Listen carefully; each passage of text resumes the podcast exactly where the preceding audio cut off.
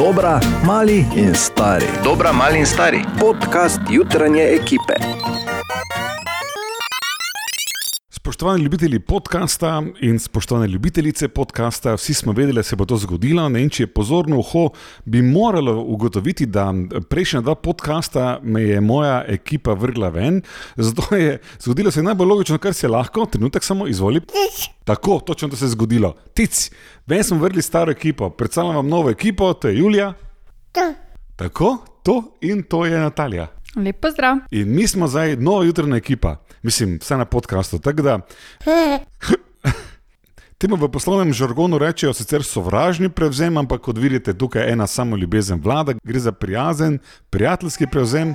Ampak ker nismo zlobni, bomo pa vseeno naredili to tako, kot se spodobi. Spomnimo se namreč z hvaležnostjo v srcu stare ekipe, ki je cel teden garala, to so njihovi najboljši trenutki. Še enkrat želimo dobro jutro. Dobro jutro. Dobro jutro. Tako.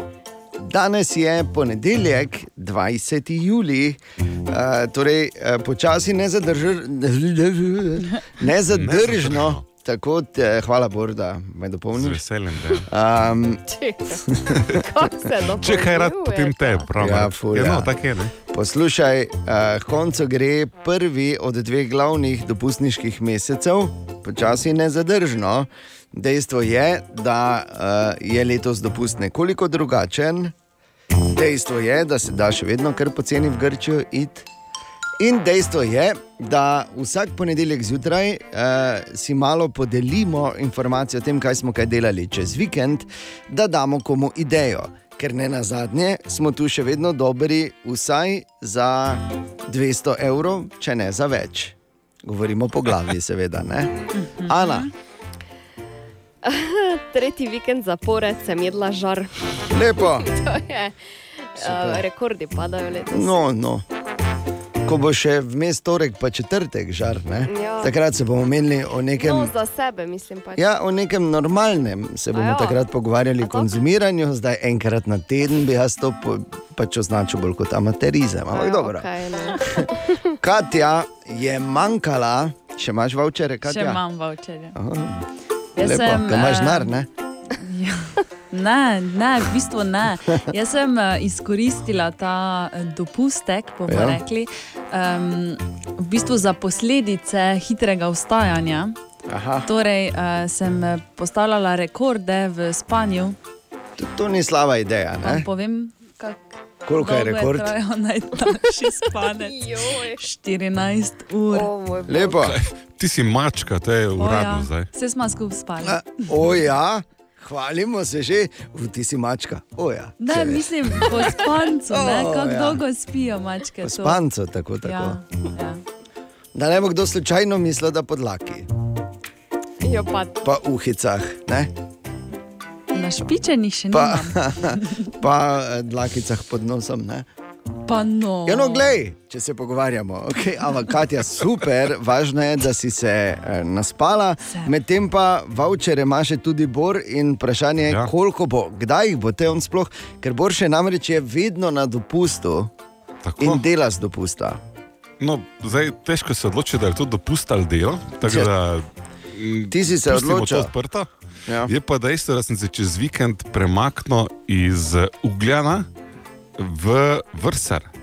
Tako da, Lepo. ta, pre, ta premik po Google Maps eh, zahteva recimo od človeških, um, mm, ne znam v kilometrih, pa merko v urah, zahteva recimo 4 ure, v praksi to pomeni, čakaj, 4 ure vožnje, ne, torej 3 pa pol Daj recimo. no, nekje. nehaj. O, glej, pa, pa, idi Ja, po mapi, poglej. Pa Ja. ni 4 Ja. ure Ja. vožnje, nikoli, kaj si nor. Bor Glej ga vozi, zdaj. je jasno. Eh, Kaj si šel samo malo, samo z malo. električnim Prvič. skirojem?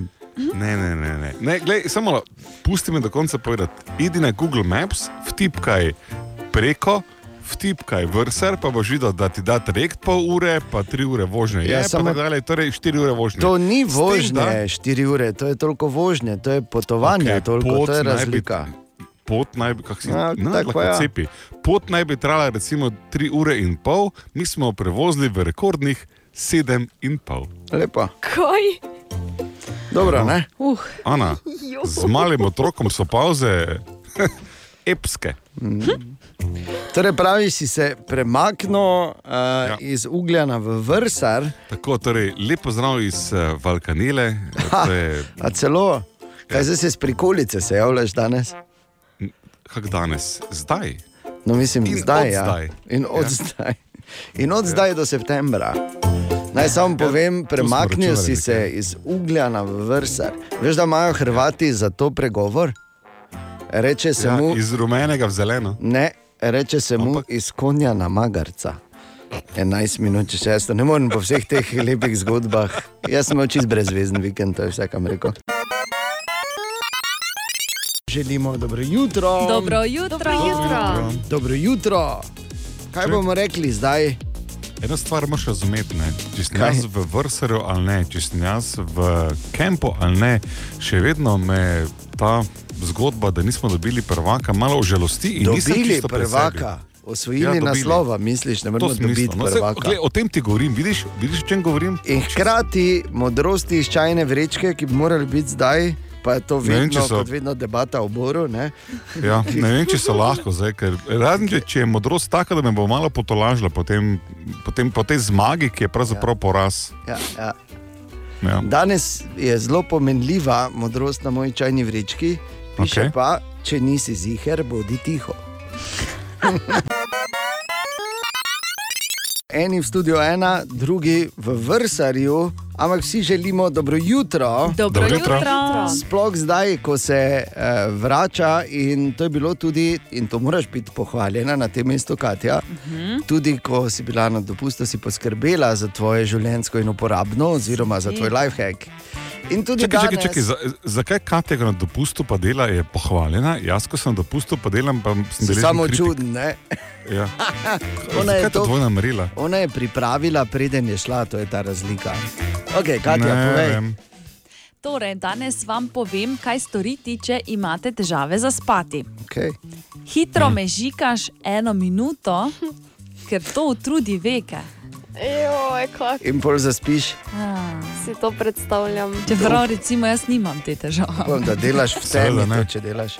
Jaz imam en drugi sistem, ampak je, uh, bom rekel tako, le ponavlja ga lahko le peščica ljudi, tako da ni široko uporaben, mogoče ga ne bi niti ne povedal. Ja, ja, povej. Uh, jaz pa delam v mislih tekvando forme. Ja, no, gled, To, si to me. samo ti pa jaz lahko da. A ti, da ne bo skoro. ne, ne, ne znam sestaviti vprašanja. Kdaj si ti zdaj tu zraven? Bor, To, so- glej, uh, samo da Kati razložim, Kati, to so glava čagi vaje, to je na, saj. Bor prikolica te je Okej. uničila. veš. Ja, čisto. Okej. čisto. Pa tudi to, da ima do VC-ja dve minuti s biciklom. biciklom. Tako da opozarjam se v Valkanili, če vidite priletnega, visokoraslega moža, ki Daj. se pelje z biciklom po zadnji, pol veš, da je prostor. sila. Ja, daj mu plac, ker to je bor, ki leti na številko dve, ninu, ninu, ninu. O, Tine! Ja, bi rekli. Kaj če nazaj bi- že? Ne, ni. Ah, Če bi pa ti daj, ne no. bil tu, ampak je na dopustu, kar pa ne pomeni, da je zares odsoten, kaj ti eh, dobil sem pooblastilo in to pismeno, da lahko, oziroma da moram jaz podati njegovo zanimivost jutra. Tako.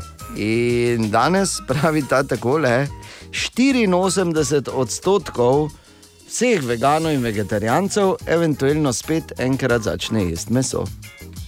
Tako da- La, la, la, la. ne bo. Tako da, če imate kako zagriženo ali zagriženega uh, blizu sebe, morate samo narediti jaja, pa pustiti. Ker lahko se zgodi, da bo vam že čez kak mesec ali dva eh, vkrado perutničko iz žara. Tako kot bo. Samo s tem, da on je v bistvu počakal, da smo se mi na pikniku najedli, pol pa je šel stric med čefinge. Ne? Si no? Zanimiva debata, ampak vedno štartajo ljudje, ki nimajo nobene vegetarijanske izkušnje. Torej, jaz priporočam veganstvo in vegetarijanstvo vsakemu za probat, da malo lahko popravi to svojo slabo vest, ker mislim, da ravno te slabe vesti dejan slabe tebi še toliko bolj smešen. ne? Ja, ja, pa nimam nobene slabe vesti, meni je samo Si smešno. prepričan? Ja, ker ti bi se mogel videti, kak si kot vegetarijanec mazal giros. Nič ni lepše kot vrnice, ne? ja, res je. Razno odpotovati ali ne? Želimo dobro jutro. Dobro jutro. Jutro In medtem ko vsi razmišljajo, bodi si o COVID-u ali pa vse o dopustu, dejan razmišlja o IKEA. Ne, razmišljam toliko o IKEA, ampak naj dvigne roko taki še nikoli tam si ni privoščil kot bular. Oziroma tih njihovih eh, zelo, gla, med zelo glasnih, legendarnih ali pa popularnih Zimnih. mesnih kroglic. Dvigujem roko. Jaz tudi, če nisem mesnik. Res ne, v Ne. Ki IKEA. mi delamo, da si normalno. Ne morem verjeti, še enkrat do te švedske mesne kroglice nismo probali. No, od avgusta dalje, najprej, najprej v Evropi in pol drugot po svetu, IKEA prinaša tako imenovane, oziroma bo ponujala eh, tudi zelenjavne kroglice, ne samo mesne. In ta zelenjavna kroglica bo imela le 4 odstotke ogličnega odtisa, kot ga v primerjavi z mesno. So tudi tako, moraš vedeti, da IKEA na leto proda več kot milijardo mesnih kroglic v, v svojih eh, restauracijah, tako da so morali tudi tu eh, v koraku s časom. Bi pa samo rekel, nič, očitno bomo zdaj pač bolj lahko jedli, torej tako imenovani lahki kot bular, pol pa se greš lepo vlešt na posteljo, good fucking, pa zaspiš. Ne? Želimo dobro jutro. Dobro jutro. Dobro jutro. In eno vprašanje imam, Bor. Ti si danes zjutraj že povedal, eh, seveda, ker si svetovni prvak v tem, da že tedne si na dopustu, ampak vseeno delaš, kar je seveda pohvalno iz nekega uh, unikatnega Ja, to je tisto, kozarec je pol poln, pol prazen, kaj Tako. zdaj delam Po- ali dopustujem. To je težko od- odgovoriti. Vredo, čakaj, ni, enostavno. ni to vprašanje, poslušaj me. No. Aha. Vprašanje je nekaj drugega. Zdaj si se premaknil v, v kamp, v Ja. ja. imenovan Valkanela pri Vrsarju. Pozicijo imaš Res je. tako, da rabiš do VC-ja z biciklom dve minuti. Zdaj pa ti meni Ne, povej. peš dve minuti, z Z biciklom, biciklom. je manj, samo pa veš, dobro, kaj- poslušaj, nisem še pri vprašanju, Oj, no, oj, oj. ne moti. Ja, pa vprašaj. Ja, počakaj, da urišem ne, situacijo. Boš Se pravi, če ti je sila in greš z biciklom, ja. ali ga okej. zunaj zakleneš. Ali pa je tako, da greš ti z biciklom, nazaj pa peš.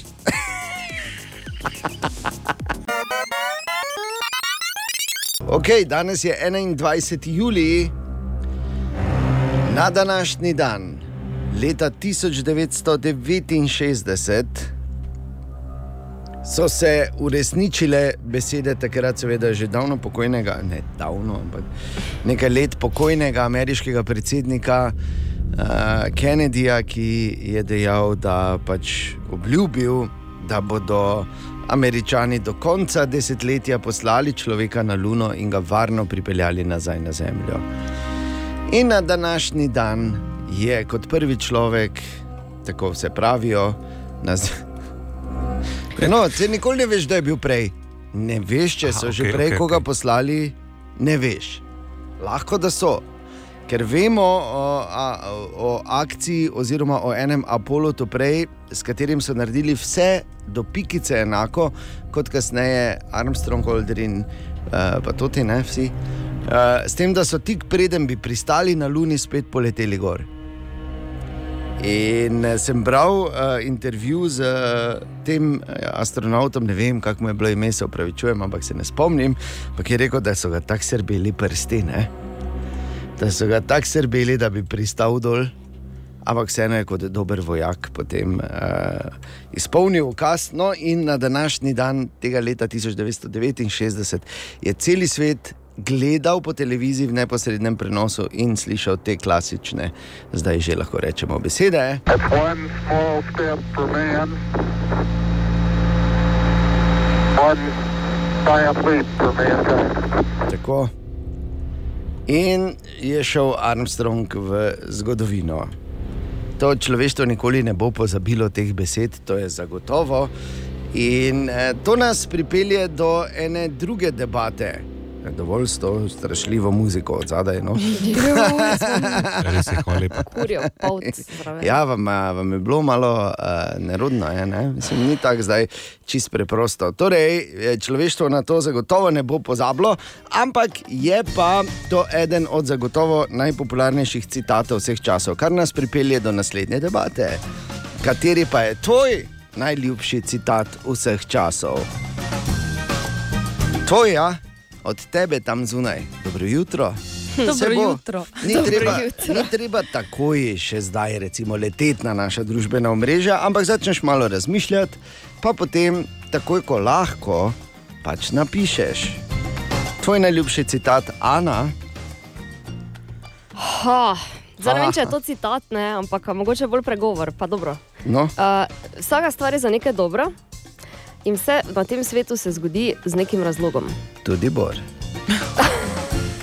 Ja, tudi Bor. Katja, Uh, dolče far niente. a sladko brezdelje. u. Tako je. Bi rekel, ja, sem se parkrat mimo domačije peljal tam v Prleki in kaj sem videl, vsi delajo, Katja pa je v skladu s svojim najljubšim pregovorom. Ja, ja. Oziroma citat. Bor, tvoj. Uh, o okusih in barvah v naši hiši ne razpravljamo. Ja, ker nimaš ne vonja, ne okusa več. Ne. Pa daj, no. Moj najljubši citat pa je še vedno ta, ki me spremlja praktično celo življenje in se nikoli iz njega nič ne naučim. E, jaz mu pravim tudi prvi vedlino zakon, Aha. pravi pa predvidevanje je mama vseh zajebal. Pa naj se sliši ta beseda še tako, ampak vsi vemo, kaj pomeni. ne? Tako Da, Ja. to je moj najljubši citat, to je bil Anin, to je bil Katin, tudi Bor o okusih in barvah. In tvoj na naših družbenih omrežjih, izvoli, seveda nas zanima, napiši. 11 minut če šesto, dobro jutro. Dobro jutro.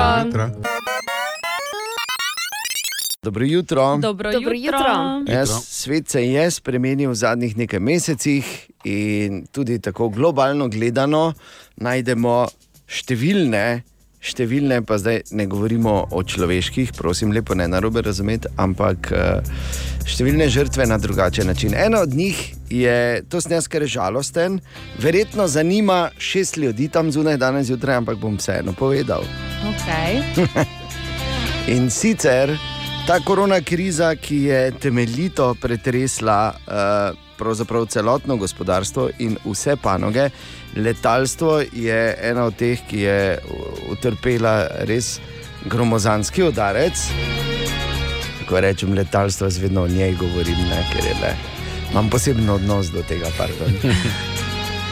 In tako se, kot kaže, poslavlja ta čudovita kraljica neba, to čudovito, ta čudovit Double Decker, uh, krasno, krasno potniško letalo Boeing 747. Uh, 747, ki je uh, prvič poletel že leta 1969 in je na neki način definiral sploh te uh, dolge čezatlantske ali pa čezoceanske polete v potniški aviaciji desetletja. Je zdaj postal, glede na to, da so vedno bolj popularna manjša in eh, seveda predvsem bolj ekonomična eh, letala, kot so Boeing 787 in podobna, je zdaj približno tako, da boste razumeli mlajše generacije, kot da si na, ti še vedno na Facebooku, kot so vsi ostali na TikToku. Razumeš? Ja, ker tudi tako je. Tako približno je Boeing 747 in zdaj uh, Qantas, Lufthansa. Uh, to sta dve letalski družbi, ki sta že popolnoma upokojili svoje 747, ki zdaj to počne tudi British Airways, ki je z 31 bil največji. Okay, zdaj, to so že take številke, ki so res mogoče preveč specifične. Ampak kar hočem povedati, moram se ustaviti, ko začnem govoriti o avionih.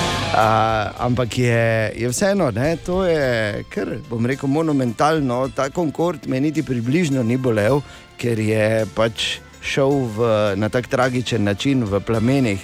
Ampak 747. Kdo je letel za 747 v naši jutranji ekipi, kadarkoli? Naj uganemo. Jaz Ti? dvakrat. Ja. Jaz mislim, da sem, samo nisem zihar.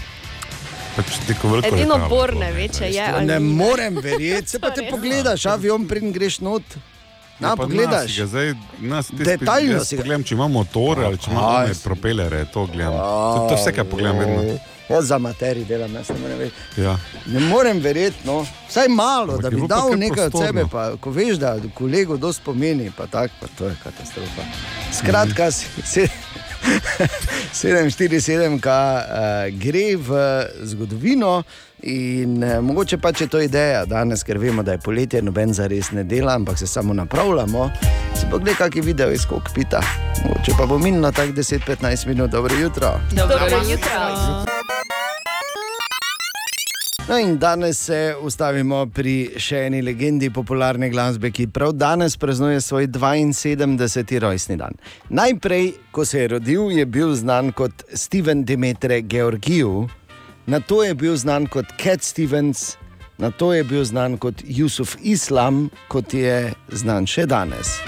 Mi ga najbolj poznamo po, pod imenom Cat Stevens in njegovih največjih hitih, ki jih je imel v 70-ih, sploh v drugi polovici 70-ih. Bi pa samo rekel to, da Cat Stevens, ki danes praznuje rojstni dan, mi smo mu najbolj hvaležni, če ne bi bilo njega in če ne bi bilo hita Lady Darbanville, to je ta.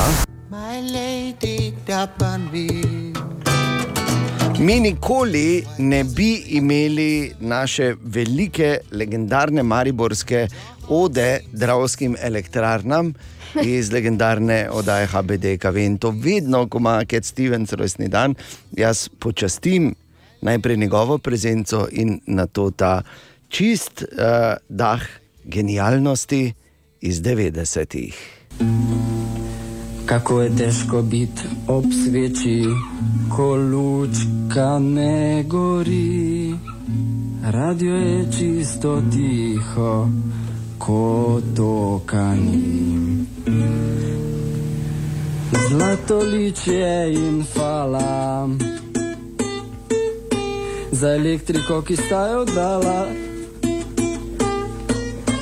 Zlato liče in fala. Od srca vam hvala, od srca vam hvala.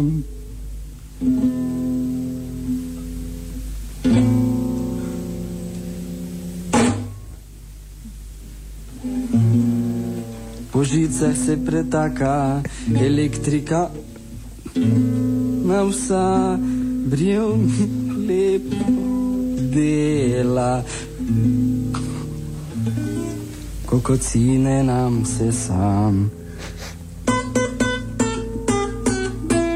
Zlato liče in fala, za elektriko, ki sta jo dala. Zlato liče in fala, od srca vama hvala, od srca vama hvala. Smo prepoznali, ne? Darbanville, zlato liče in fala. Why does it grieve me so? za elektriko, ki sta jo dala, zlato liče in fala, nekaj gre lepo. Od srca vama hvala, od srca vama hvala. Seveda to ni edini hit Keta Stevensa, njegova legendarna je tudi Wild World. Oh, baby, baby, it's a wild world. It's hard to get by just upon a smile. In pa ta, ki vedno presune sploh sinove očetov. Can I try to explain? 'Cause when I do, he turns away again. It's always been the same. To je vedno ena od teh, ob kateri se lahko človek zamisli in verjetno, po mojem mnenju, njegov, njegova najlepša ob Lady Darbanville, jasno, da ne, ki je dala rodila zlatoliče in falo. ne. Tako da, ko ima rojstni dan Jusuf Islam oziroma Cat Stevens, bomo zavrteli. Pa damo to očetovsko, no? Ja, pa smo v takem razpoloženju. Ja, s tem, da ti ne bi vedel, ne? ker le imaš črko. Imamo. Pa ne na zdaj. sem, ne? Ja, no pač. Si na boljšem, ja.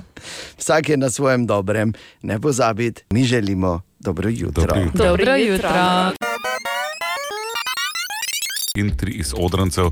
Vrtec je po priporočilih NJZ-ja zaprt do preklica, za otroke bodo morali poskrbeti starši. Pardon, uh, intervencija, to je intervencija, to je intervencija. Katja, niso Odranci. odranci, to je rekli, intervencija. so odranci, Ne, nikoli. Ne, Bor. Odranci, bor ti govoriš odranci. To je bila intervencija, nadaljujemo. Hvala za intervencijo. Želimo dobro jutro. Dobro, Dobro jutro. jutro. Posebej vsem v nam dragih odrancih. Tako vidiš, da je šlo. Bravo. No, pa tako nelogično ime. No. To vedno, ko gledam, To se se da samo to tebi odranci zdi. biti. To zdaj še samo prilivaš, bom rekel. Ja, Ne, ne, ne, ne. Veš, priznal Bor, zmoto in se zahvalil za intervencijo. Spomni pravim, da- se, Bor, nama je bilo logično tudi okoslavci, pa očeslavci včasih. Tako. Kaj se ti smejiš? Čas je upam, za. da nimaš še enega tega avtohtonega prebivalca v kampu, ker ko bo preletel zdaj Ja. mimo. Ja, to bo.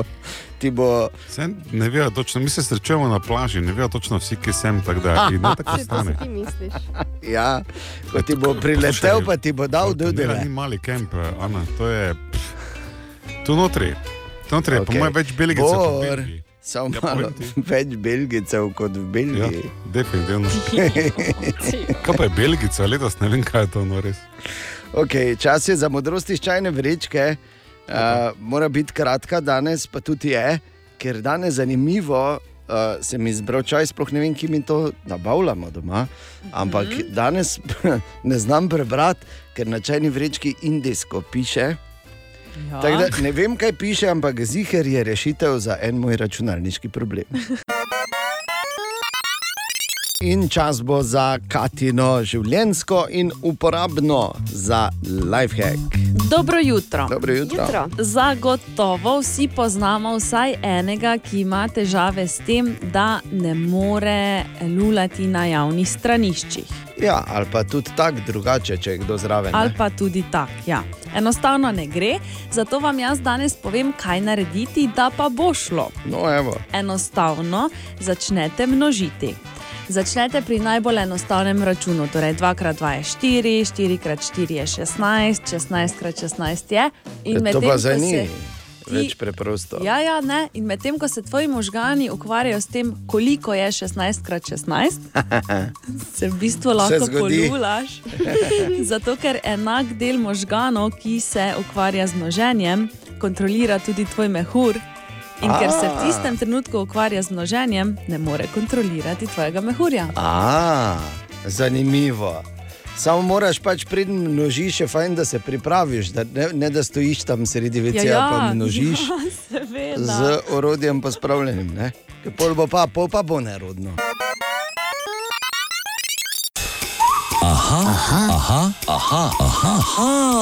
Aha, efekt. Aha, efektov Bor odgovarja na vprašanje Tomaža, ki ga zanima, če se vesolje vedno širi.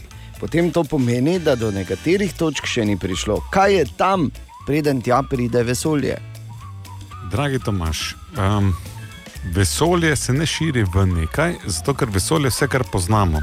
Kar pomeni, da preden pride vesolje do točke, kjer na novo je, tam ni bilo nič. Vsaj tako kot mi razumemo vesolje, uh, je samo eno. Uh, čeprav obstaja tudi več teorij, ki so trenutno pač z opazovanjem nedokazljive, mi z opazovanjem vemo, da se vesolje širi, in z opazovanjem vemo, da se nenehno širi in da se razdalje med galaksijami nenehno veča. Kar pomeni, da uh, šansa, da najdemo inteligentno življenje, je pravzaprav na nek način vedno manjša, zato ker so razdalje med nami vedno večje. Ja, zdaj, če je seveda B plan, oni pridejo do nas, ne? tu dejan. Uf, Pa je par neugodnih scenarijev tudi. Zakaj dejan? Kasneje so Ja, no, avtoriteta pač- za vesoljce. Čuti to, čulati to, tu, tu, tu pa zdaj, tu pa zdaj prideš ti. Ne? Hvala, Borno. Ali tudi vi pogosto totavate v temi? Aha, efekt, da boste vedeli več. Dobro jutro. Dobro jutro. Dobro jutro. In uh, to ne morem verjeti. poletju, dobro jutro. Poletje, vejca, dobro jutro. Zvenelo tako, da si ga pozdravil. ne? Eno, zakaj Dobro pa ne? jutro, poletje, zakaj pa ne? Ja? Zakaj pa ne? Ja, glej, lepo se mi je, glej, samo. Lepo se mi je zdelo, samo vprašal sem, kaj si normalno, da se ene stvari reče, da moramo normalno zmeniti. Ker kot da smo, spo, nismo spokregani, radi se imamo. Kdaj pa se je, kdo že kdaj normalno zmenil tu? Ja. Mimo grede, mimo grede eh, to ne vem, če ste slišali, ampak imajo nov način za umirjanje, veš, za iskanje notranjega zena, za najti notranji balans, za prid v stik z tisto točko na nizozemskem Ja. in sicer objemanje krav. Tako bom rekel, ko sem, drevesi zastarela, zdaj že krave objemamo. tak bom rekel uh, ko sem prebral, uh, je bila prva misel, vsi smo mi to enkrat probali, ni glih delovalo. Želimo dobro jutro. Dobro Dobro jutro. jutro. jutro. In tu je še en dokaz, da se mi včasih zgodi, da se vlovim, da bodi si živim v neki sporedni realnosti, veš, da sem sam zraven sebe in se opazujem nekje drugje, čeprav na istem. Kaj si jedel včeraj? Res Čakaj, čakaj, čakaj, počasi, brez nemirjanja. Včasih se mi to zdi, ali pa kot da živimo v sitkomu. Recimo samo danes zjutraj ena debata na vse zgodaj, tukaj na radiju, brez imen, prosim, brez imen. Ampak dobim vprašanje, pravno imate dobre postrvi. Ja, imamo. Fulje, ful je vredno, pa ful je dobro, ker je gostilna, kjer imajo samo postrvi, veš. Pa... Aha, ok. Ja, veš, ker bom uh, s prijateljico greva, ki si že ful dolgo želi. Kaj pa še imajo kaj drugega, ki jaz ne bom postrvi jedla? če, če pa imajo samo postrvi. A ja, ok. Pa sem rekel, glej, ampak naroči si, da ti fajn reš zapeče, ker če imaš reš, je manjša možnost, da se zadrgneš na kakšni kosti. Če si tako jaz, ki jim res samo postrvi, pa že to redko v framu, pretežno. Aha, ok, bom. Kaj pa je reš?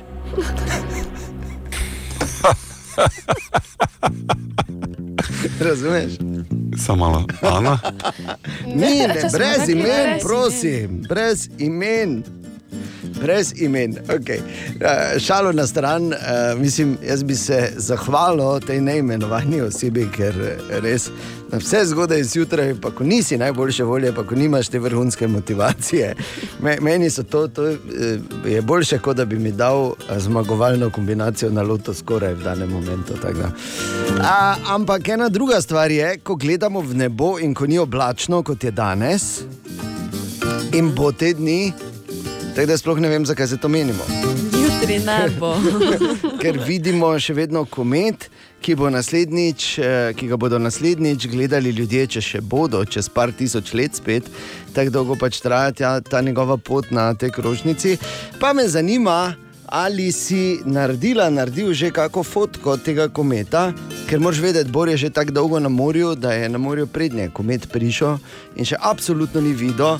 Tako da na naših družbenih omrežjih podeli eh, to fotografijo, če seveda že imaš kakšno, sploh pa zdaj, po besedah našega strokovnjaka, internega in-house, pravzaprav strokovnjaka za vesolje, dr. Eh, Igora Žibrne, eh, zdaj prihaja najprimernejši čas, oziroma tisti čas, ko se bo komet tudi najlepše in najboljše videl.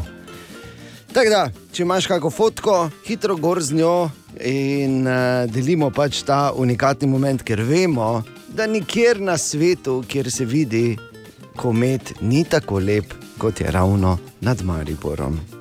Oh,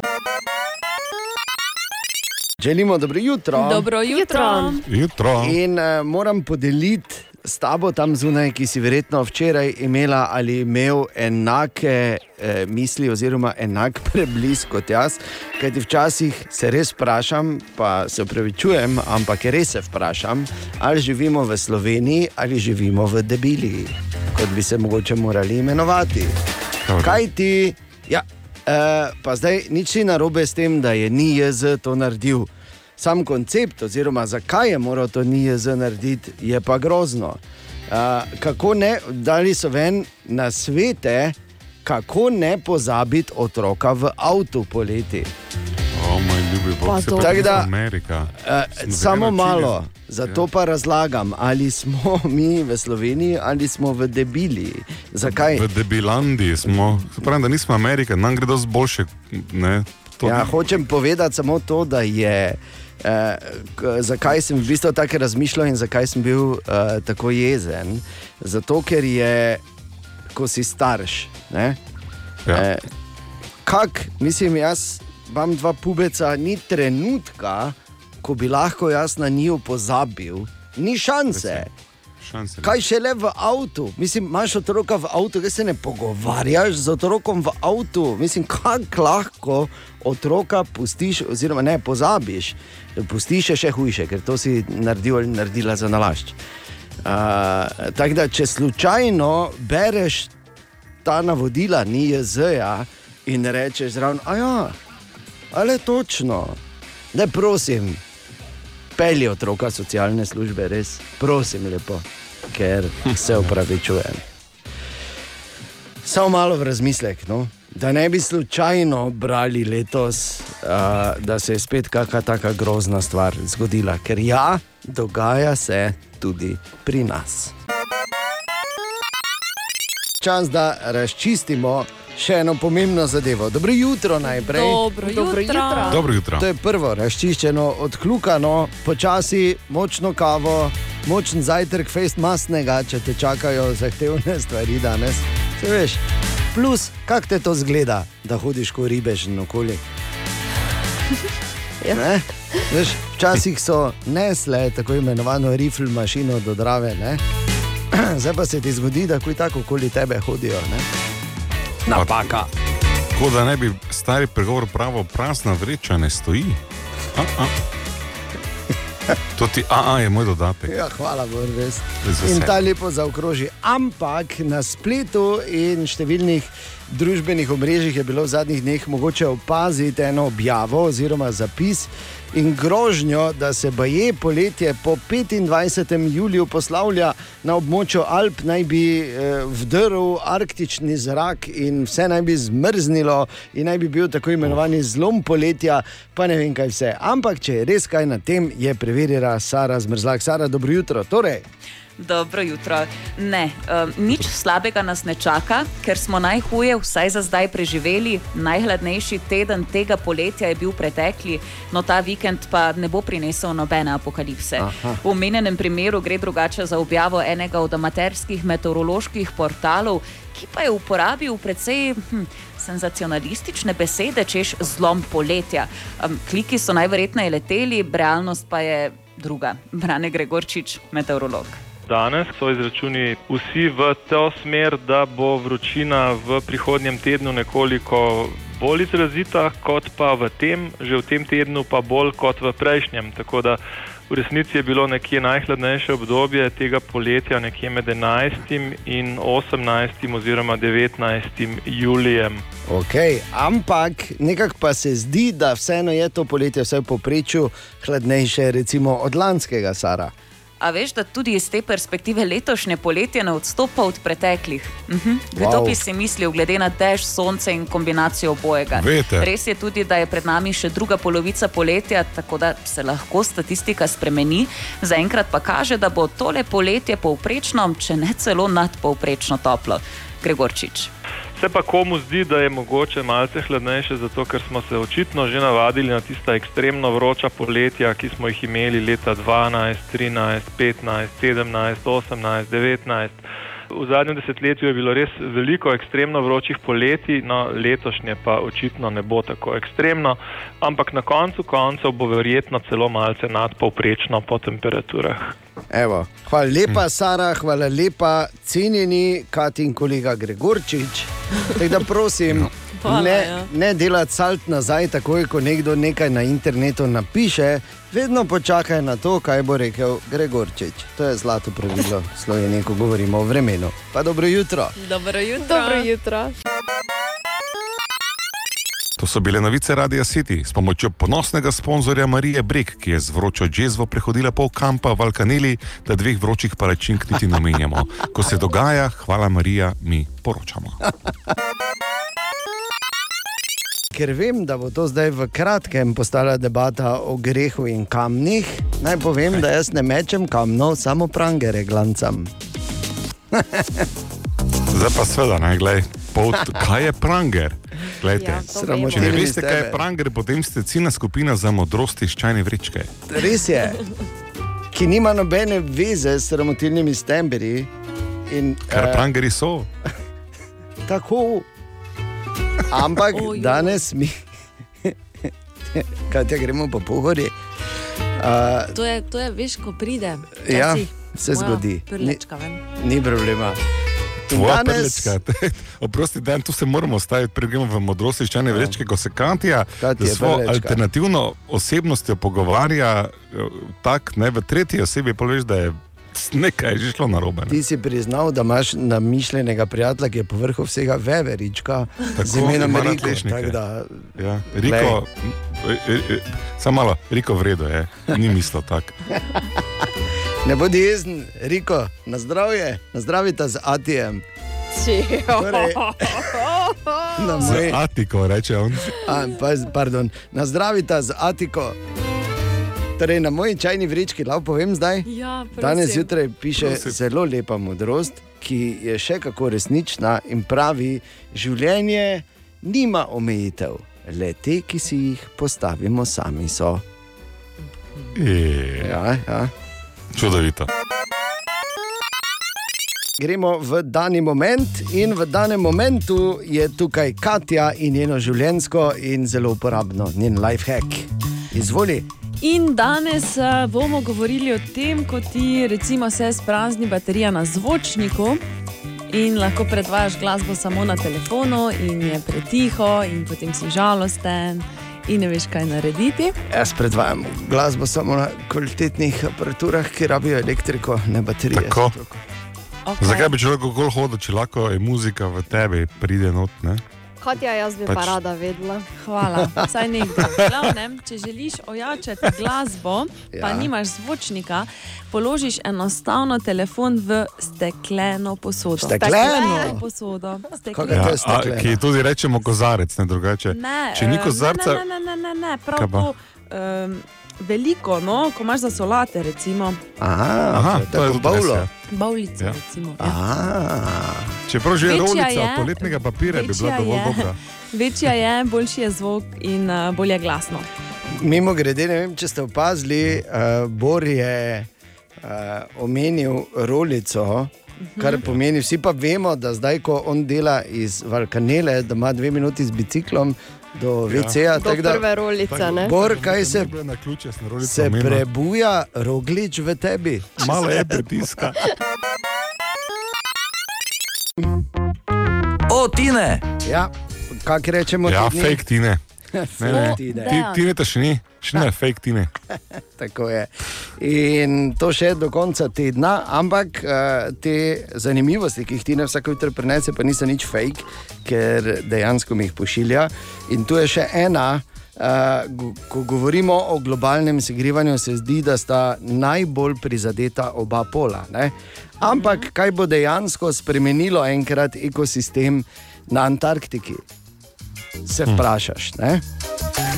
No, to zagotovo, ali pa uh, ne bo odločilen faktor uh, uh, globalno segrevanje, čeprav bo pomemben faktor, ampak ne bo odločilen, kaj ti tu je treba v kombinacijo vzeti pingvine.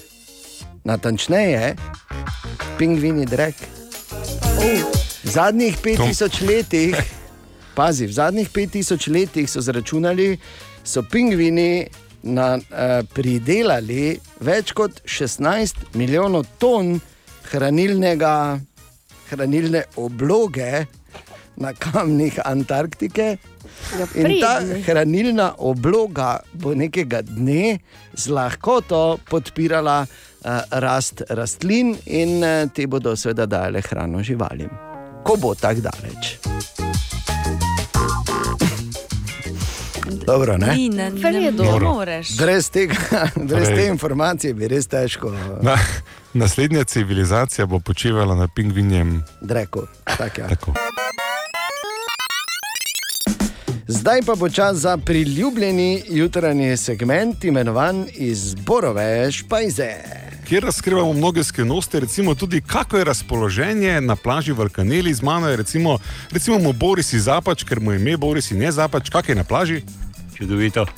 Evo, ne, če ste se spraševali slučajno. Sicer pa, kako prepoznaš Mari Borčana na plaži v Valkaneli, glej, dejan, to zdaj ni šala.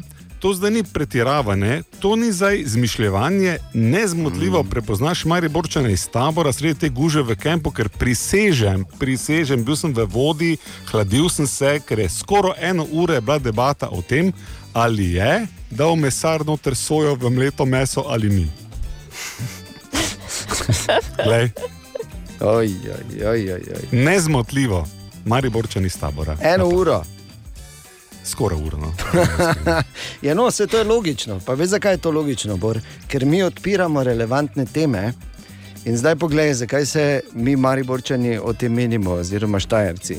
Ker Gorenci se ne morejo, ker so prešuft, Ljubljani so preveč važni, Italijan, eh, mislim, Italijani. pardon, primorci, primorci takijo samo italijansko.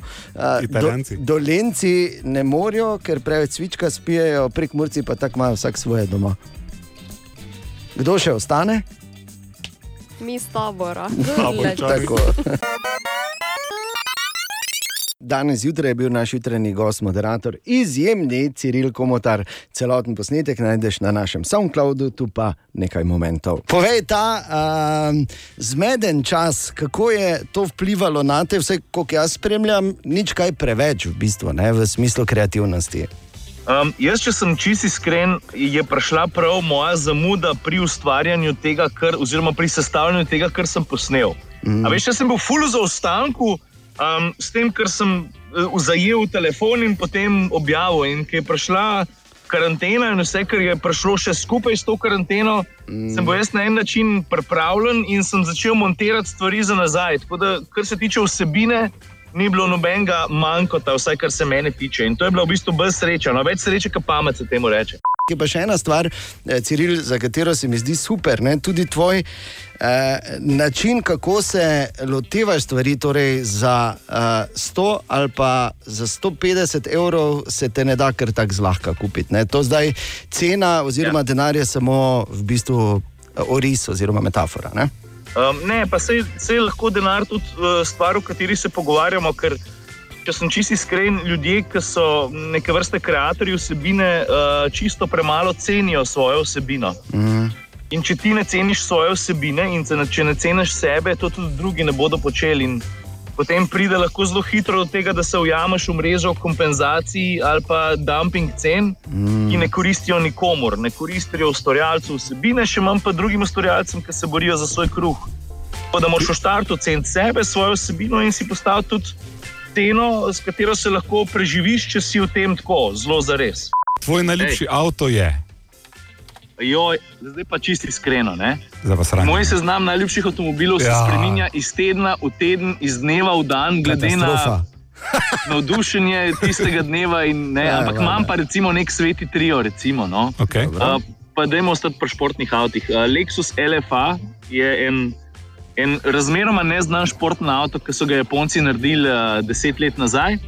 In takrat v njega vložili vse svoje znanje in so ga zgradili okrog uh, dirkalnega motorja. Potem pa še kakšen, ne vem, veš, to so taki unikorni, ne, ki niso zelo znani, ampak Mercedes CLK GTR, ljudje pišete na Google, pa Porsche uh, Carrera GT1. Ja, A, tako. vidiš, Porsche je zraven, moje sorte Je, pubec. je. Včasih ne gre drugače, včasih gre pa z lahkoto tudi drugačno. Zdaj vprašanje, verjetno ne boš do 65. leta delal vlogo. Ne? Ja, najprej bom tako rekel. Ne? Avto je samo avto, ampak je tudi veliko več kot tista zadeva med levim in desnim špeglom. Uh -huh. uh, um, je pa tudi res, da verjetno ne bom vlogal večno. In če sem čisto iskren, pripravljam um, teren na to, da se bom morda nekoč naslonil na svetovanje, izobraževanje, um, ko pride predvsem do videoprodukcije, do nastopanja, do obnašanja in do ustvarjanja vsebine. Ker pač karkoli se zgodi z mojo vlogersko potjo, v vsakem primeru bi rad ostal nekje, kjer sem lahko kreativen in kjer lahko obdržim stik s kreativnimi ljudmi, no? ker mi to zelo veliko pomeni. Drugače si sploh ne znam predstavljati življenje, če sem čisto iskren. Želimo še enkrat dobro jutro. Dobro Dobro jutro. jutro. Ja, dobro jutro. Četrtek, 23. julij. 23. julij, ko ima 47. rojstni dan Monika Levinski. Če se zdaj kdo zunaj iz mlajše generacije vpraša, kdo je Monika Levinski, ali je to neka olimpijska športnica, no, na nek način. Ne? Je bila telovatka, Ja. je obvladala like, ko je bila pripravnica v Beli hiši ob koncu 90-ih, ko je bil predsednik kdo? No, I Jaz ne not bom rekla, čeprav vem. relationship with Mrs. Levinski. ni bil Johnny Depp. ja, no se zato bom tiho. Čeprav je, baje bil to eden od njegovih zdevkov. Bill Clinton. Ne? No, to. In je pol najprej govoril, da ni, pol je že priznal, da je. In takrat, če še do takrat ni bilo jasno, pol bila, pa bilo res jasno, da je osnovna stvar, ki jo moraš narediti, eh, če postaneš eh, politik v taki močni demokraciji, kot je ameriška, ne, pozabiti na to. Oziroma, eh, ne smeš govoriti resnice, ampak moraš govoriti to, kar je pripravljeno, in pa moraš hrbtenico vreči pesom. No, verjetno je tako po celem svetu, lahko pa da je to preveč pavšalna ocena. Skratka, Monika je stara 47 in eh, če se še sprašuješ. Uh, Kot mlajša poslušalka in poslušalec, kaj je takega naredila, tako ti naj povem, niti ne, nič kaj tako groznega, glede na to, kaj vse danes pride iz Bele hiše. Takrat so se pač malo podružili, ona dva s predsednikom sta malo potelovadila, čeprav niti ni šlo za dobesedno telovadbo. E, bolje je šlo za degustacijo predsednika. Pa daj, dejan. No. Ne, Bor, popravi me kadarkoli. Ni bilo telesno pretno aktivno. No? Ja, kaj, Mislim, bila sta kar statična, no vsaj on je bil kar no, statičen. ja, tako statičen, ampak pogumen instrument. E, Ja. In ona je degustirala iz flaše. Skratka, 9 minut čez 6, ena stvar pa je, Katja, na katero te moramo opozoriti. Mhm. Ti si največja fenica Harryja Potterja. Seveda. Ti veš, da bo čez 8 dni Harry Potter star že 40. Ja. Vem, ja. 31. julija 1980 se je rodil Harry Potter. Tako da eh, po koncu julija, oziroma po njegovem 40. rojstnem dnevu, bo skrajni čas, kot je bilo rečeno v filmu, kot je rekel Jonah Hill, pa se ne spomnim, katerem filmu, mislim, da je bil film Knocked Up. Je rekel, da je šel gledati Harryja Potterja, pa je Harry bil tako star, da bi ga morali klicati Harold. Pa, pa daj. Tako da, tak da uh, Harry bo čez 8 dni. In ko sem razmišljal to in uh, seveda o tej magični zabavi, ki jo Katja pripravlja vedno ob njegovem rojstnem dnevu, ko se igramo kvidič tukaj na radiju ne? in preizkušamo razno razne uroke. Srečo imaš, da sem letos takrat na dopustu, bom rekla. Se veš, magija ne pozna meja. Ampak domišljija in izjemna literatura pa tudi ne.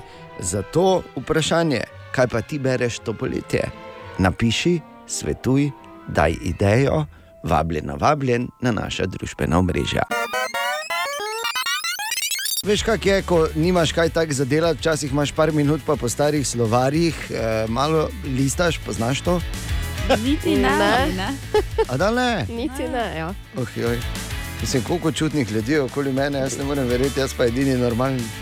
Listaš po slovarjih. ne? starih slovarjih.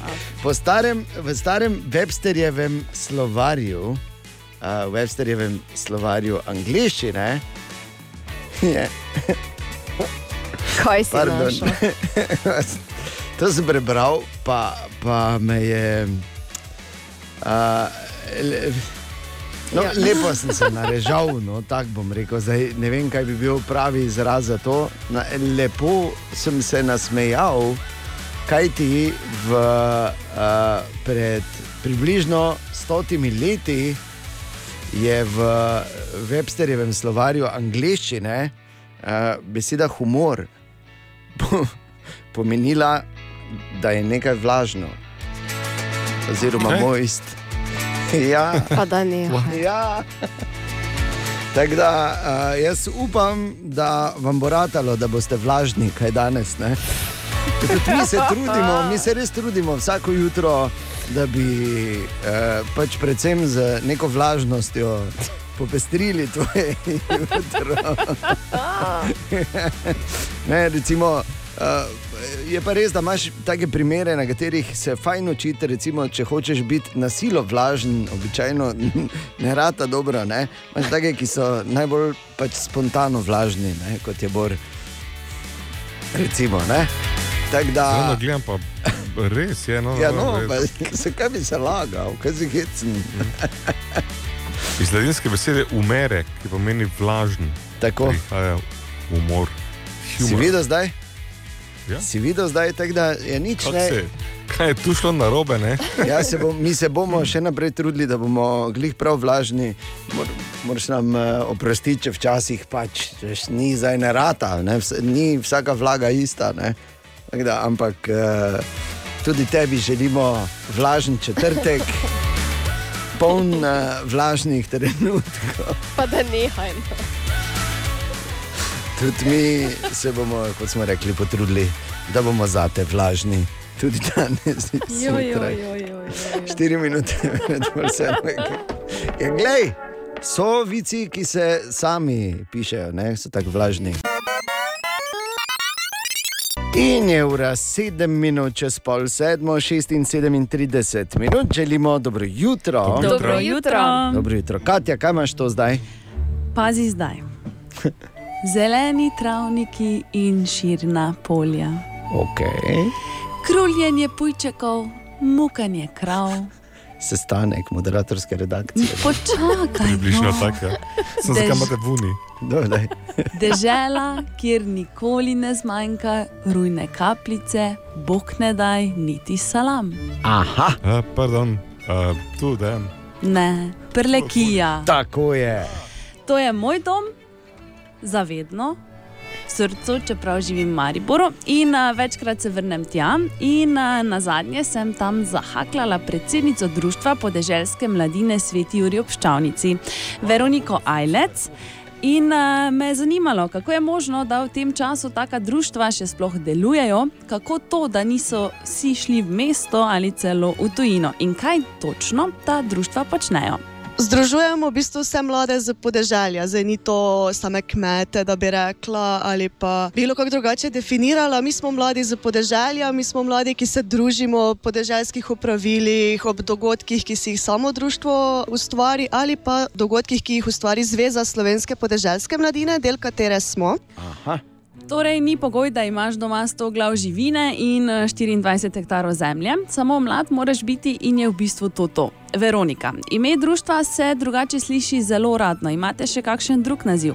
Sami sebi rečemo, da smo Jurjovška mladina. Na vseh naših majicah, zelenih majicah, je napis Jurjovška mladina z UON pa z FON. Zelo, zelo radi predstavljamo svojo občino. Ion pa za fejon. Pa boš komentiral, kakšna barva je majica? Pa zelena kot uh, barva narave, verjetno. Ne? Tako, Pa točno. tudi vina, ko je slabo. Vseeno, gremo dalje. Ok, Veronika, k resnim stvarem, kaj točno pomeni podeželska mladina v letu 2020? Eh, So se pojavile kakšne težave? Ima težave in sicer zaradi vseh prepovedi, druženja in vsega je težko držati skupaj vse 104 člane. Zaradi vseh dogodkov, ki so nam propadli, smo verjetno tudi kakšnega člana izgubili. Ker društvo kot tako je bilo skozi poletje vedno zelo, zelo aktivno, redko si našel vikend, da bi bil fraj vikend, letos pa tega ni. In kot tako društvo ni aktivno in je aktivno samo preko Facebooka ali pa spleta, preko kakih spletnih seminarjev ali kaj takega, tudi zanimanje za društvo upada. Seveda, kak boš pil, ne? No, kaj pa je drugače primarna naloga vašega društva? Pomagamo mladim kmetom. In sicer podeželska mladina, oziroma tipično, bolj točno mladi kmetje, ki želijo prevzeti kmetije, imajo en kup papirjev, preden lahko kmetijo prevzamejo. Nekateri naši člani so že to uspeli narediti, so že prevzeli kmetije in ti so zdaj tisti, ki pomagajo mlajšim članom. To je ena plat. Druga plat je modernizacija kmetije, od eh, moznih robotov do novih strojev in vse to je tisto, kar stoji na mladih. Zaradi tega bodo kmetije napredovale, zaradi tega bo podeželje obstalo, zaradi tega bo podeželje napredovalo. Wow. Hvala, Veronika. Seveda vso srečo z društvom. Za konec morda še eno vprašanje. Kaj je najboljša stvar na podeželju? Friški luft. Tako da v bistvu ne, imam jaz za vaju zborom en predlog, mogoče bi lahko vidva na stara leta prevzela kakšno kmetijo v Perlekiji, pa bi bila soseda. Kaj, kaj skupaj? Nekaj Ja, ne. šumi, ful šumi, ne čujem. svojo, ne? Halo, Katja. Ja, pa Kaj? tu sem. Le, ne sliši me. Pa daj, Kaj te no. govori? Halo? Ne, ampak izjemno zanimivo. Mozo, jaz lahko sedim. Kaj te zdaj? Ti lahko se. Ja, mozo ne bom. No. Ja, ja ne bom kozlal. Ja, no. oj, oj. Ampak zelo zanimivo in uh, torej vsem, v bistvu ne samo Jurjovški, pa tudi ostalim uh, tem uh, združenjem oziroma društvom podeželske mladine, pa čestitke za dobro delo in harajte še naprej, da bomo imeli kaj za jesti. Želimo dobro jutro. Dobro jutro. Dobro jutro. Ja, dobro jutro. Greš dalje, dejan z modrosti iščene vrečke, samo daj vam a, a temu našemu tukaj dogajanju minutko ali pa mogoče samo par sekund. Ja, samo da povem, zakaj gre. Če se je kdo slučajno pravkar Aha, prebudil, okay. seveda želimo dobro jutro. Morate vedeti, da Dobro je. Bor odprl fronto mlado, staro, na eni strani Bor, na drugi strani Ana in Katja, jaz pa sedim na tribuni in se, In se super, kopicami, ja, jaz se super zabavam. No, ampak gled, da, samo tri sekunde, počakajmo. Vidiš, o tem ti govorim, nič od nič. Vse nekaj se prijavili, izbunili, izmenili, ne, nič. Pa kaj se te najbunimo za S čim smo se ti zamerli? Ja, ne. Kaj ja, ne? Okay, Meni zamerili. Vreda je bolj. bolj. Sploh zamerili, jaz sem obe izjemno rad. Mm. Samo če bi kaj naredili še. Povej, ko bo priletelo do tebe. Samo povej. Si poslala kaj? Ja, ja. O, ja. Pa mislim, da nekaj denar gor dala, zdaj pač koliko bo rabo uh, asasinator iz Umaka. Poslušaj, na moji čajni vrečki danes zjutraj, to je uh, res fenomenalno, sploh nisem vedel. Pa ki mi ta čaj kupujemo? Že kaj zanimive Nisi stvari? še vprašal. Ne, vedno pozabim.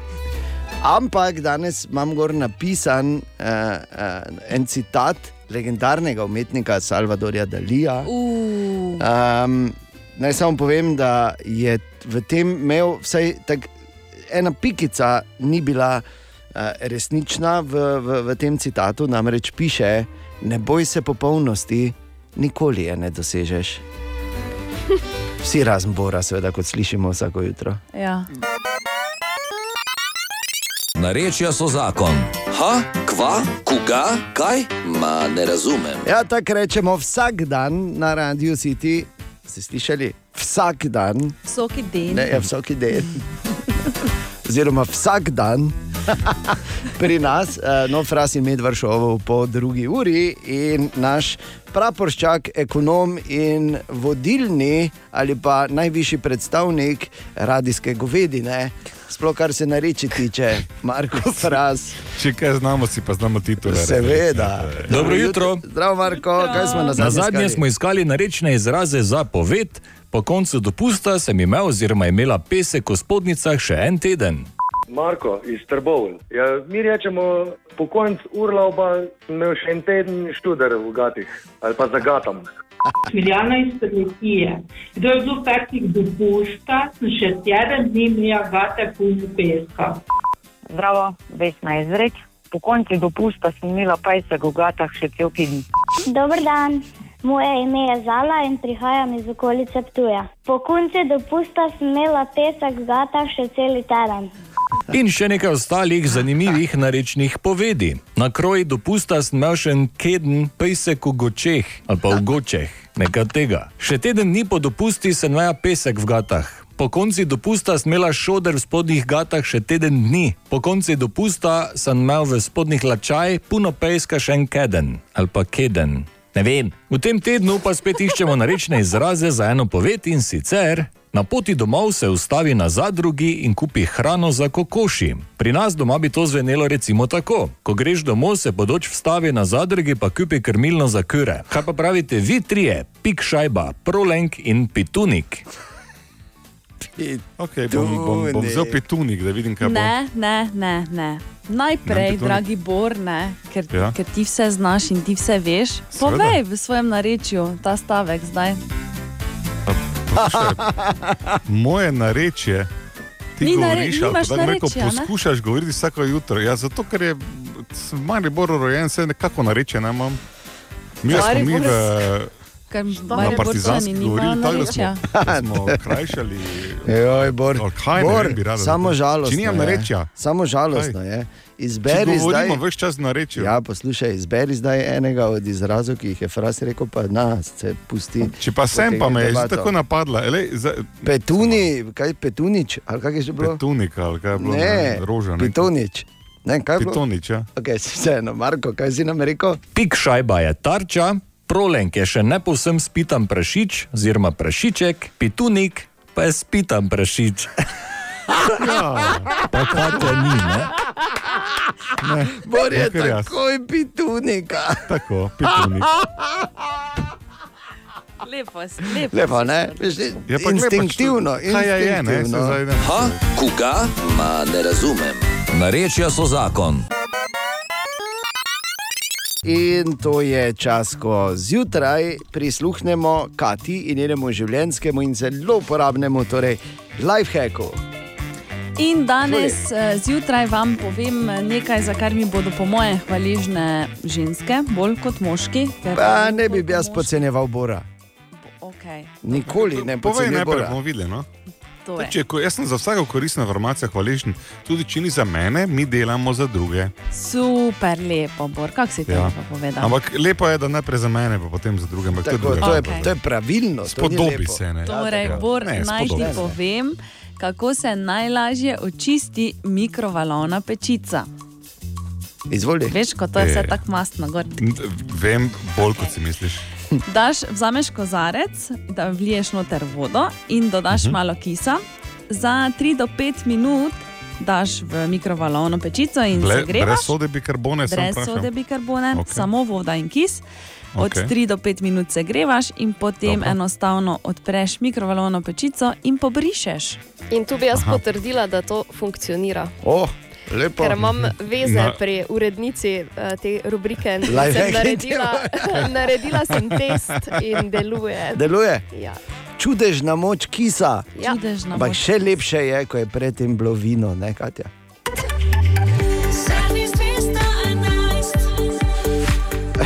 Kar me vedno znova, ko kdo reče kis, pardon, vedno znova se spomnim, ko sem spremljal enkrat nastajanje.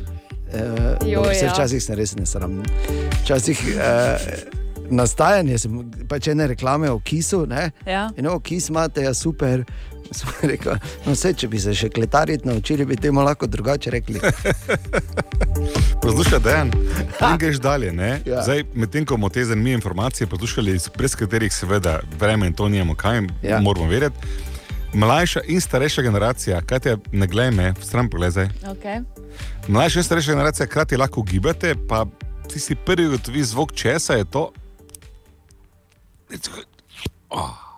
A, ko se Jo, ti na same bicikl vsedaš, da greš Ne, do, ne, ne, na dvominutno ježo, do lepo, z, le, lepo z vremenom in prometom, bomo pol dalje. Okay. Torej, aktualno o vremenu. 18 stopinj v Mariboru, oblačno je in po večini oblačno ostaja danes čez celoten dan. Ne pozabi na dežnik, tudi deževalo bom, najviše temperature pa do 27 stopinj. In aktualno stanje na cestah, prometni redakciji spremljana. Gneča je na mejnem prehodu v Gruškovje za voznike osebnih avtomobilov pri stopu iz države do 30 minut, ostale ceste brez posebnosti, s tem želimo ti varno pot. Kaj je bilo, Bor, povej zdaj? No, da če ne prekatijo pa eno. Ne, ne morem. Enkrat še ponovim. Če je zdaj že odprto, se ne morem še enkrat dol zapreti. A ja, Aha. jogurt si odprl. Ne. Ribe. No, se mi kar zdelo, da je jogurt. Ne, ne, ne, ne. ne. Nekaj zvezi No. no. z kefir, flaško je. Kakšna flaška? Ja. Vložene artičoke. Ne, bom samo to rekel, da je, bom dol prebral. Ja, vem, vidim. Družinska tradicija od 1690. leta. Aha, ok. Ne rabiš nadaljevati. Dobro jutro. Dobro Dobro jutro. jutro. In eh, naj samo povem, da se je odprla fronta, dve milenijalki, torej Ana in Katja na eni strani in uh, pračlovek Bor na drugi strani. Nova runda, jaz na tribuni. Samo malo, samo. Jaz sem hotel biti tiho, da se ne razumemo, ne, da se ne razumemo narobe. Vi dve ste čudoviti ženski, mladi, simpatični, vse v redu. In hotel sem biti tiho, ker sem mislil, mogoče sem pa samo star. Pa Veš, kaj je to, ko si malo starejši, si tak včasih je bo pa druga. Ne, ni bilo včasih drugače. Ko sem jaz bil mlajši, smo zares nekaj naredili, dali od sebe, delali kot konji. Zdaj pa gledam, Čakaj tukaj, vse jim je prinešeno k ustom, niti mrdnejo, ne. Pa po se pa še, joj, kako smo se fejst nadelali, res. No, jaz bi Pa zdaj tu samo postregla z eno um, raziskavo, ki so jo delali nedolgo časa nazaj in sicer 74% milenijalcev dela več od baby boomerjev. Glej, ti Raziskava. prevedla, ni ta dva izraza, Bravo. razumeš? Ne? A, v bistvu smo mi dva. 70% predstavnikov moje generacije dela ja. več kot predstavniki vajne generacije. pardon. oziroma Ja, ker dvoje, ne morejo več. Ne, veš, to, to, je taka, Tako. to je ta tipična lažniva statistika. Zato, ker ne morejo več, ker so v penziji, so v moji generaciji. Ja, so pa za časa no. svojih življenj bistveno več naredili kot vi. Tako je začel. Jaz moram reči, da je z tribune zelo zanimivo opazovati to dogajanje. Želimo dobro jutro. Dobro jutro. In naj samo povem, da se je odprla fronta na eni strani naši milenijalki, Katja in Ana, in na drugi predstavnik uh, prav ljudi, uh, Borg Reiner. Bor, mene samo ena stvar, preden začnemo novo rundo. Uh, samo me je strah, kaj se bo zgodilo na družbenih omrežjih, ker to moraš vedeti. In to je njihov kung fu. Kaj se je že? Katja, povej. Izvolite, jaz grem na tribuno. Tadej je že pisal in je povedal, da je Bor tipični stari čiča, samo jamrat zna, pa hvaliti, kak je njihove, njihova generacija, to in ono.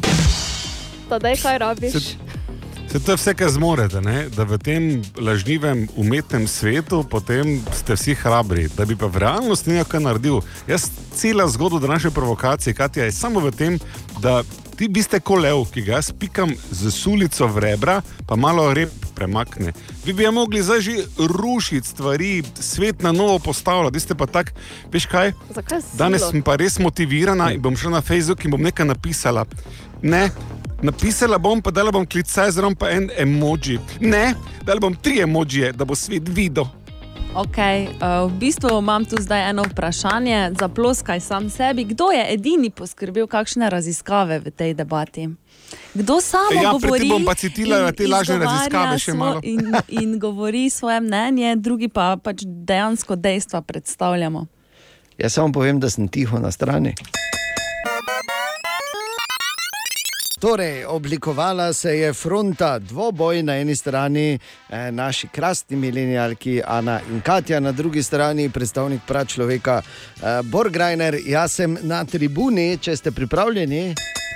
Izvolite. Že kot napovedovalec narediš taki uvod, moš povedati, tako se je zares začelo. Začelo se je tako zjutraj, da je Katja meni, ki ne samo, da sem v svojem življenju že kar oddelal, tudi letošnje poletje se nesebično žrtvujem in iz morja delam, da smo lahko vsi srečni, rekla zjutraj, nisi nič, nič, nič, nikom, da mi ne Ni to res. Kaj sem rekla? Ne, Ob ti tem je rekla tako glasno, da se je še hčerka zbudila noter v, v, v se tako prikolici. ne. začelo, jaz imam dokaze. In potem sem rekel, kaj ste pa te vi naredili danes zjutraj, da, se- da so se vstale, pa pa že kaj boš ti govoril, stari. Ne, obtožil Ne. si naj, da nismo plesali. Ja. Tako se je začelo. To je bilo samo v Da drugem koraku. ne migamo. Izvorni greh je v tem, da ste vi začeli z očitkom. Šmrklov je jedno. Še enkrat. In, uh, tvoja hčerka se je zbudila zato, ker njen oče ni izklopil mikrofona. Pa seveda ne, zato, ker če je bo ob šestih Katja zjutraj glasna. Dejan je rekel, nekaj nujnega ti mora povedati. No, le sem to na glas, če je nujno. To pa okay. je, mi je samo Natalija napisala, ta prodoren Katjin glas je vse zbudil. Naj ti povem, dragi Bor, da moja Katja. in Anina generacija je družbeno najbolj osveščena in to je dejstvo. Vi ste pa sta, samo klali v imenu ne vem, katerega boga že tam. Samo malo, glej. Čakaj, čakaj, čakaj. Konec runde, ne, ne, konec, to je bil knockdown zdaj. In oblikovala se je fronta na eni strani milenijalki Katja in Ana na drugi pračlovek Bor.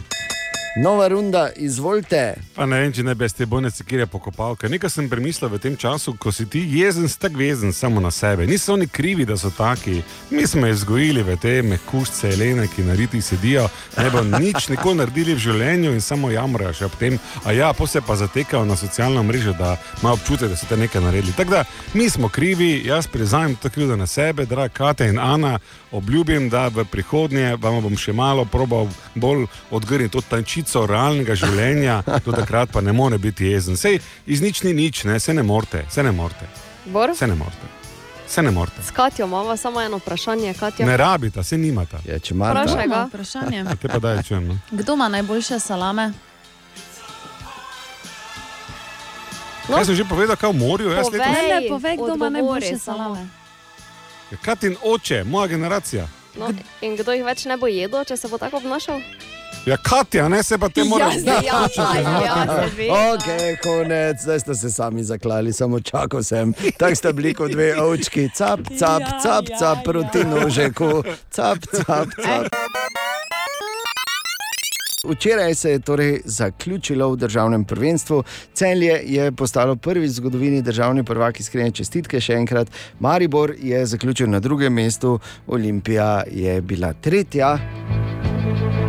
In po tekmi, ki je imela tudi en prav poseben čustven naboj včeraj v Kidričevem, se je s tem, ki je ravno včeraj v deseti minuti zaključil desetletno obdobje fenomenalnih uspehov in spominov in iger in dogodkov v ljudskem vrtu, eh, se je z njim pogovarjal Matej Šoba. Govorim seveda o Aleksandru Rajčeviču.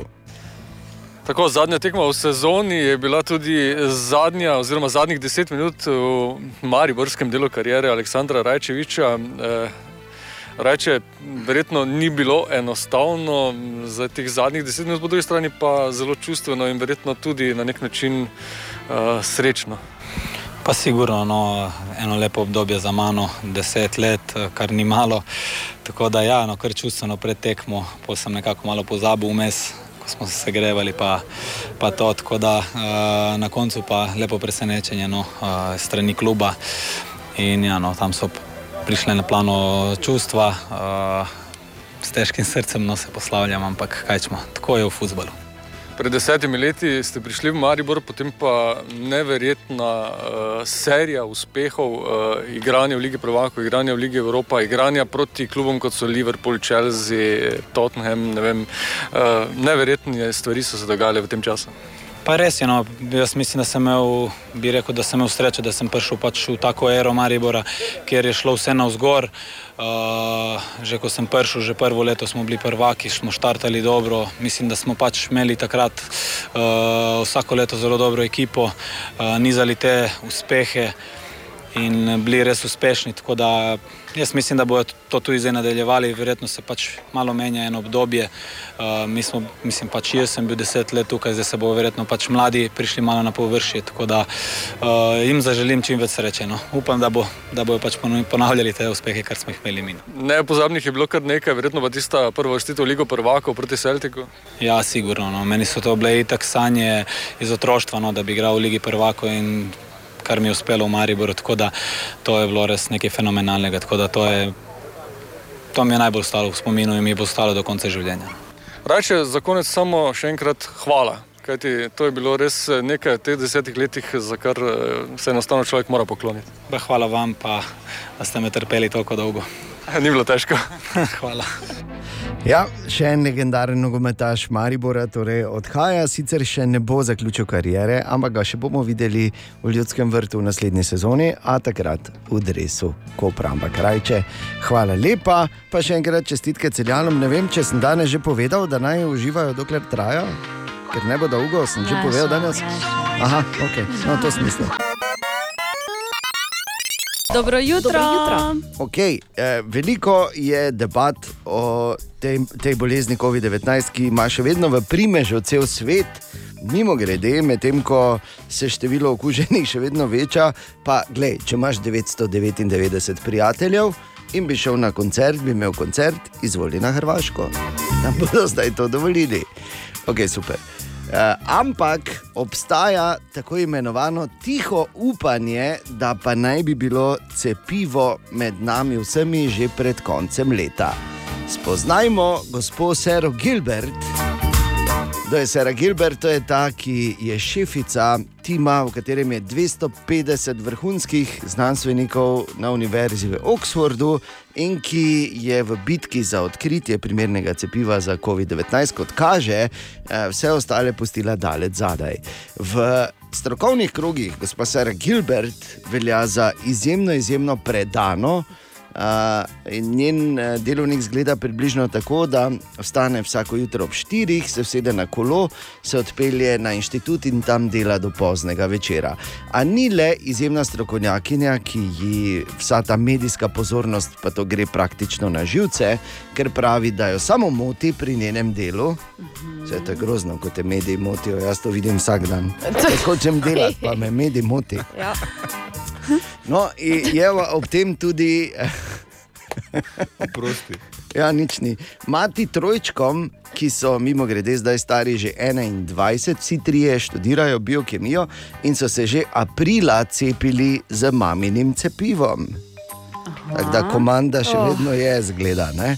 Ampak eh, je pa tik pred velikim prebojem, pravijo več kot tisoč ljudi, tisoč zbolelih za COVID-19 se je že cepilo z njenim poskusnim cepivom in to je tisto, ko se je pisalo o teh T-celicah in kak se je imunski odziv zgodil v telesu in da praktično so bili zanemarljivi stranski učinki, kvečemu so imeli tisti, ki so se cepili eh, znake običajnega prehlada. Moramo sicer počakati, kajti eh, cepivo je bilo testirano na zbolelih, ki so bili mlajši od 55 let in niso imeli kakega zdravstvenega predstanja.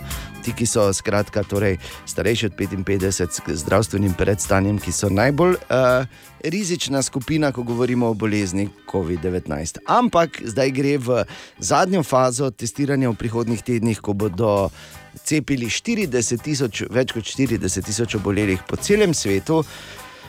In če bo uh, šlo vse v redu, potem bo Sari Gilbert uspelo praktično nemogoče in sicer, da bo vse- vsega nekaj mesecih rešila svet in uh, premagala bolezen COVID-19. Drage dame in gospodje, Sara Gilbert. Thank you very much, Thank you. že vnaprej. Tako malo pozitivno, ne veš, Ja. veš, kjer, yes, bravo, Sara. Ko bi le mi bili taki, mi se pa samo vstanemo, zjutraj niti na bicikl ne gremo, no razen Borko je v Balkaneli, 11 minut če šest. Dobro jutro. Če si bila bil z nami včeraj zjutraj, potem veš, da se je naj na hitro spomnim, odprla ena zanimiva fronta. In sicer Bor se je odločil, da iz prazgodovine napade eh, moderni, aktivni milenijalki to sta Katja in Ana, ki sta uh, se pač branili po najboljših močeh.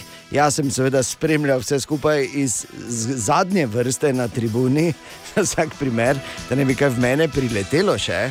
No. No, uh, ampak se mi zdi, da zgodba še niti približno ni končana in zaključena.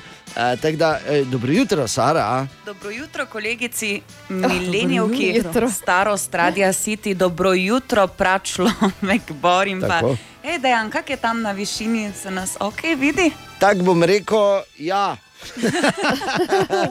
Povej, Sara, zakaj si tu? Logično, da sem prišla v support, ker Bor ne govori na pamet. Ja. Ja. Ne spodobi se, niti ni pravično. Tako da, evo, včeraj sem si vzela čas, prebrala več raziskav in naredila neke izročke. Tako da, Bor, posluh, imamo Ja, to. Bor, ker molči, veš, da ga je prizadelo zdaj, da ste se začeli grupirati. Povej, Sara, povej. Okay. Glede na raziskave imamo precej podoben odnos do denarja, je pa res, da smo milenici kameleoni vešči v novem okolju, tudi pri iskanju služb. Študija Education Advisory Board je pokazala, da milenici zamenjamo tudi do 20 služb v karieri, vi manj, no to pa še ne pomeni, da smo nezanesljivi. V delovno okolje prinesemo same lepe stvari, svež veter, smo prilagodljivi, vešči novih znanj in nebor, ta mladi val, ki je zajel radio, ima namen ostati, veš. Včeraj sem te slišala, da si se obregnil tudi ob tehnologijo in družbena omrežja. Ja, premagate nas samo pri rabi Twitterja, eh, to pa je tudi vse. Eh, Smo tudi bolj izobraženi, več kot polovica milenijevcev ima narejeno vsaj prvo stopnjo fakultete, pri vas se delež giblje pri 49 odstotkih, prav tako smo bolj optimistični, srečnejši od vas. Pa čeprav nas nekje 17 odstotkov več spi s telefonom pod polštrom ali v bližini postelje. Glede na raziskave, visoko uvrščamo tudi ideje o starševstvu, dobremu zakonu ali partnerskem odnosu.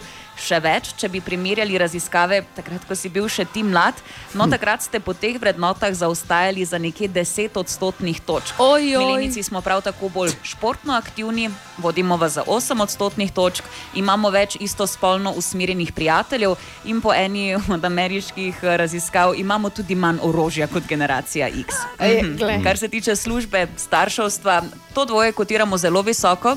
Vseeno pa se za velike korake v življenju odločamo pozneje, ampak tu pa mislim, da nič za to, gremo za ziger, da se ne prehitimo v življenju in da se slučajno ne poročimo z napačnim. Ne? So, glej, glej, Sara, glej. Bolj poslušaj. Ne? Ni, To, ni to, ja. drugih besed, ni kaj za dodati. Hvala, Sara. Ja, nekaj za prispevek. Jaz sem v bistvu na, še vedno na tribuni, samo z tribune se mi pa vseeno zdi, ja, da pač. Se ne želim vtikati v to debato, že naprej, No, fajn se mejte. Danes je petek, želimo dobro jutro. Dobro jutro. In v petek vam, kot se reče, ne gine skoraj nemogoče vprašanje.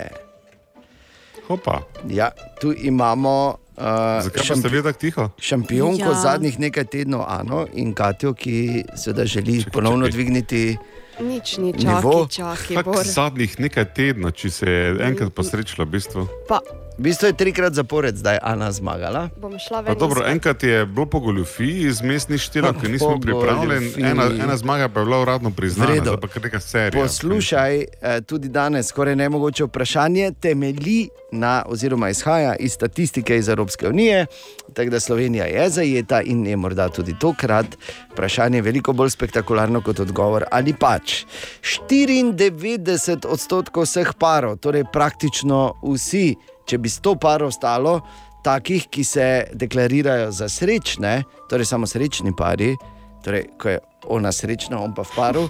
No, ja, če pa je tako, Ja, no. povej. ne, ne, v redu srečnih parov, če bi jih 100 stalo, bi jih 94 reklo tako.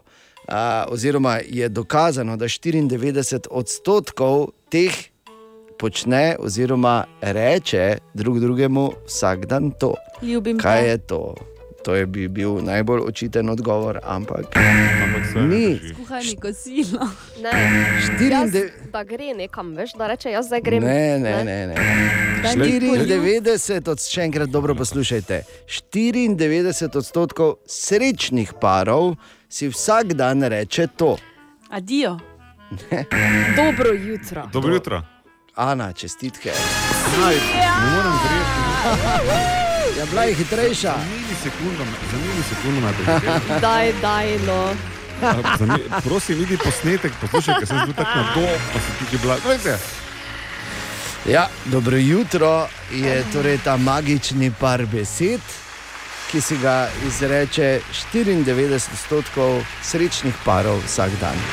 Taka drobna prijaznost, ki lahko pomeni veliko razliko. Jaz bi samo to rekel, da to enkrat za vse lepo pove nekaj o nas. Ne? Šukrat ne rečemo dobro jutro skupaj Ja, vsako jutro. seveda. O, Dobro jutro. Dobro jutro. Dobro jutro. Dobro No, jutro. Dobro jutro. In še enkrat dobro jutro. Kako smo srečni, tako je že ne? Mi pa vi, jaz pa ti, dobro jutro. Dobro jutro tudi danes, Mateju Šobi, Matej, kaj je novega? Dobro jutro. Dobro jutro. Ja, pa dobro jutro, pa lega pa je dobro jutro. Ja, pa, pa, pa, dobro jutro. Glej ga, petek. Glej ga, petek, petek, in kmah me dajte, šefi in vse, ker danes je petek, sem jaz in moje mukice. Vidiš, vidiš, kaki, kak malo rabiš. Ja, vidim. Ja, in ti Samo prašič, samega sebe. in ti prašič to veš. Torej, kaj je novega, okay. Matej? Sam sebe bom posipal. E, komaj smo končali z nogometno sezono, že govorim spet o futbalu. E, namreč danes bo že žreb za naslednjo sezono slovenske nogometne lige. Se upravičujem, če utrujem koga s tem. Eh, kaj si nor. danes bo nogometna zveza žrebala torej pare e, in slišali in pa videli bomo, kako bo v naslednji sezoni, ki se začela 12. augusta. Še bolj pomembno, recimo pa, kako bo potekala evropska sezona, to marsikoga zanima, ker bo letos drugače. Um, povedal sem že, da bo potekalo v kvalifikacijah za Evropsko ligo, kjer bo igral Enka Maribor. Vse v drugačnem slogu, namreč samo ena tekma v posameznem kvalifikacijskem krogu. Žreb bo 10. augusta, prva tekma bo 27. augusta in tukaj je kar nekaj nejasnosti še. Uh, zdaj, žreb bo zelo pomemben, kaj ti določil bo, kdo izmed eh, para bo gostitelj. Eh, Maribor bo v prvem kvalifikacijskem krogu nosilec, zagotovo mislim, da tudi še v drugem krogu. Mhm. Uh, to pa ne, nič ne pomeni, kaj ti žreb odloča o tem, eh, kdo bo gostitelj. In eh, tudi to ni neka velika prednost, kaj ti seveda bodo tekme brez gledalcev, tako kot so bile doslej.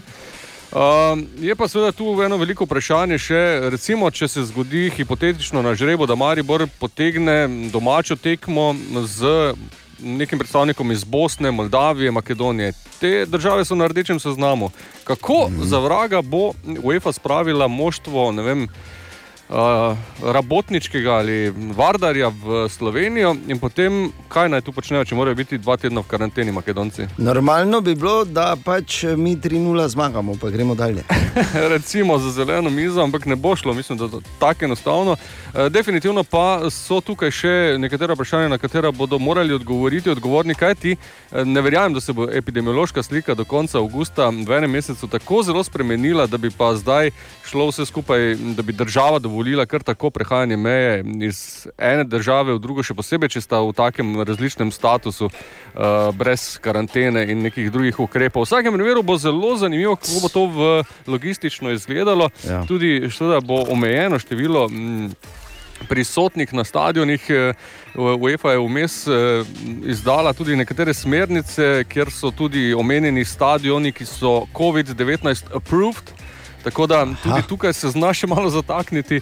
V vsakem primeru pa zelo zanimiv kvalifikacijski ciklus. Maribor bo torej štartal v prvem krogu kvalifikacij za Evropsko ligo 27. augusta kot nosilec, potem pa eh, je skoraj da en mesec vmes pauze, drugi krok 17. september, potem 24. september, 1. oktober, skupinski del v Ligi prvakov in Ligi Evropa pa se začne tam 20. in 22. oktobra. To je vse pod enim velikim čejem. Ne?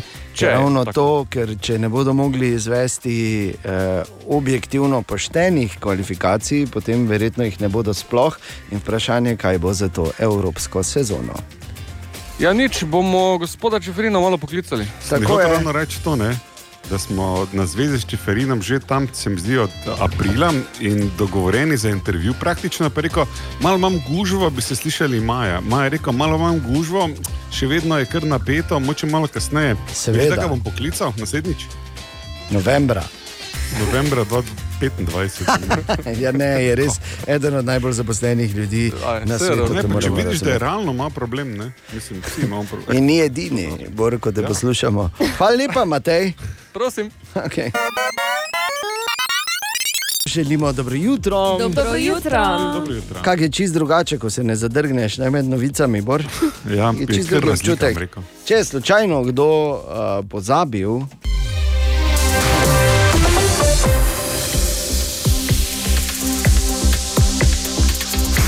Sekunda. zaletelo vse moje. Ja.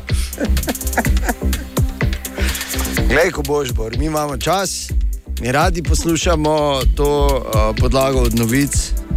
To je eden najpriljubljenejših hitov, globalno skoraj že. Zakaj si mi zaletelo, bo še hujše. Okay. Lahko gremo. Seveda. Dobro jutro. V Sloveniji so včeraj potrdili 27 novih okužb s koronavirusom, hospitaliziranih je bilo 24 bolnikov s COVID-om. Si v redu? Kaj če bi preskočili tokrat, preden se do konca če bi zlomimo? s prometom, pa vremenom, pa se vrnemo. Ne vem, če je kdo slučajno slišal, kak je, kak je bolj vdihnil vmes. Je to? Pa da bogi. No. Če mislim, da bi šla v sapnik, da je Seveda. ne, nerodno. No? Ja. Na srečo ni bila prva stvar, ni bilo prvič, tako da si se odkašljal, pa si se le zbral in si spet tukaj, Bor. Hvala lepa. Ti mi bi ti namenili en kratek aplaus. Hvala lepa, hvala lepa, hvala lepa. Živ sem še. Uhu. Dobra, mali in stari. Podcast jutranje ekipe.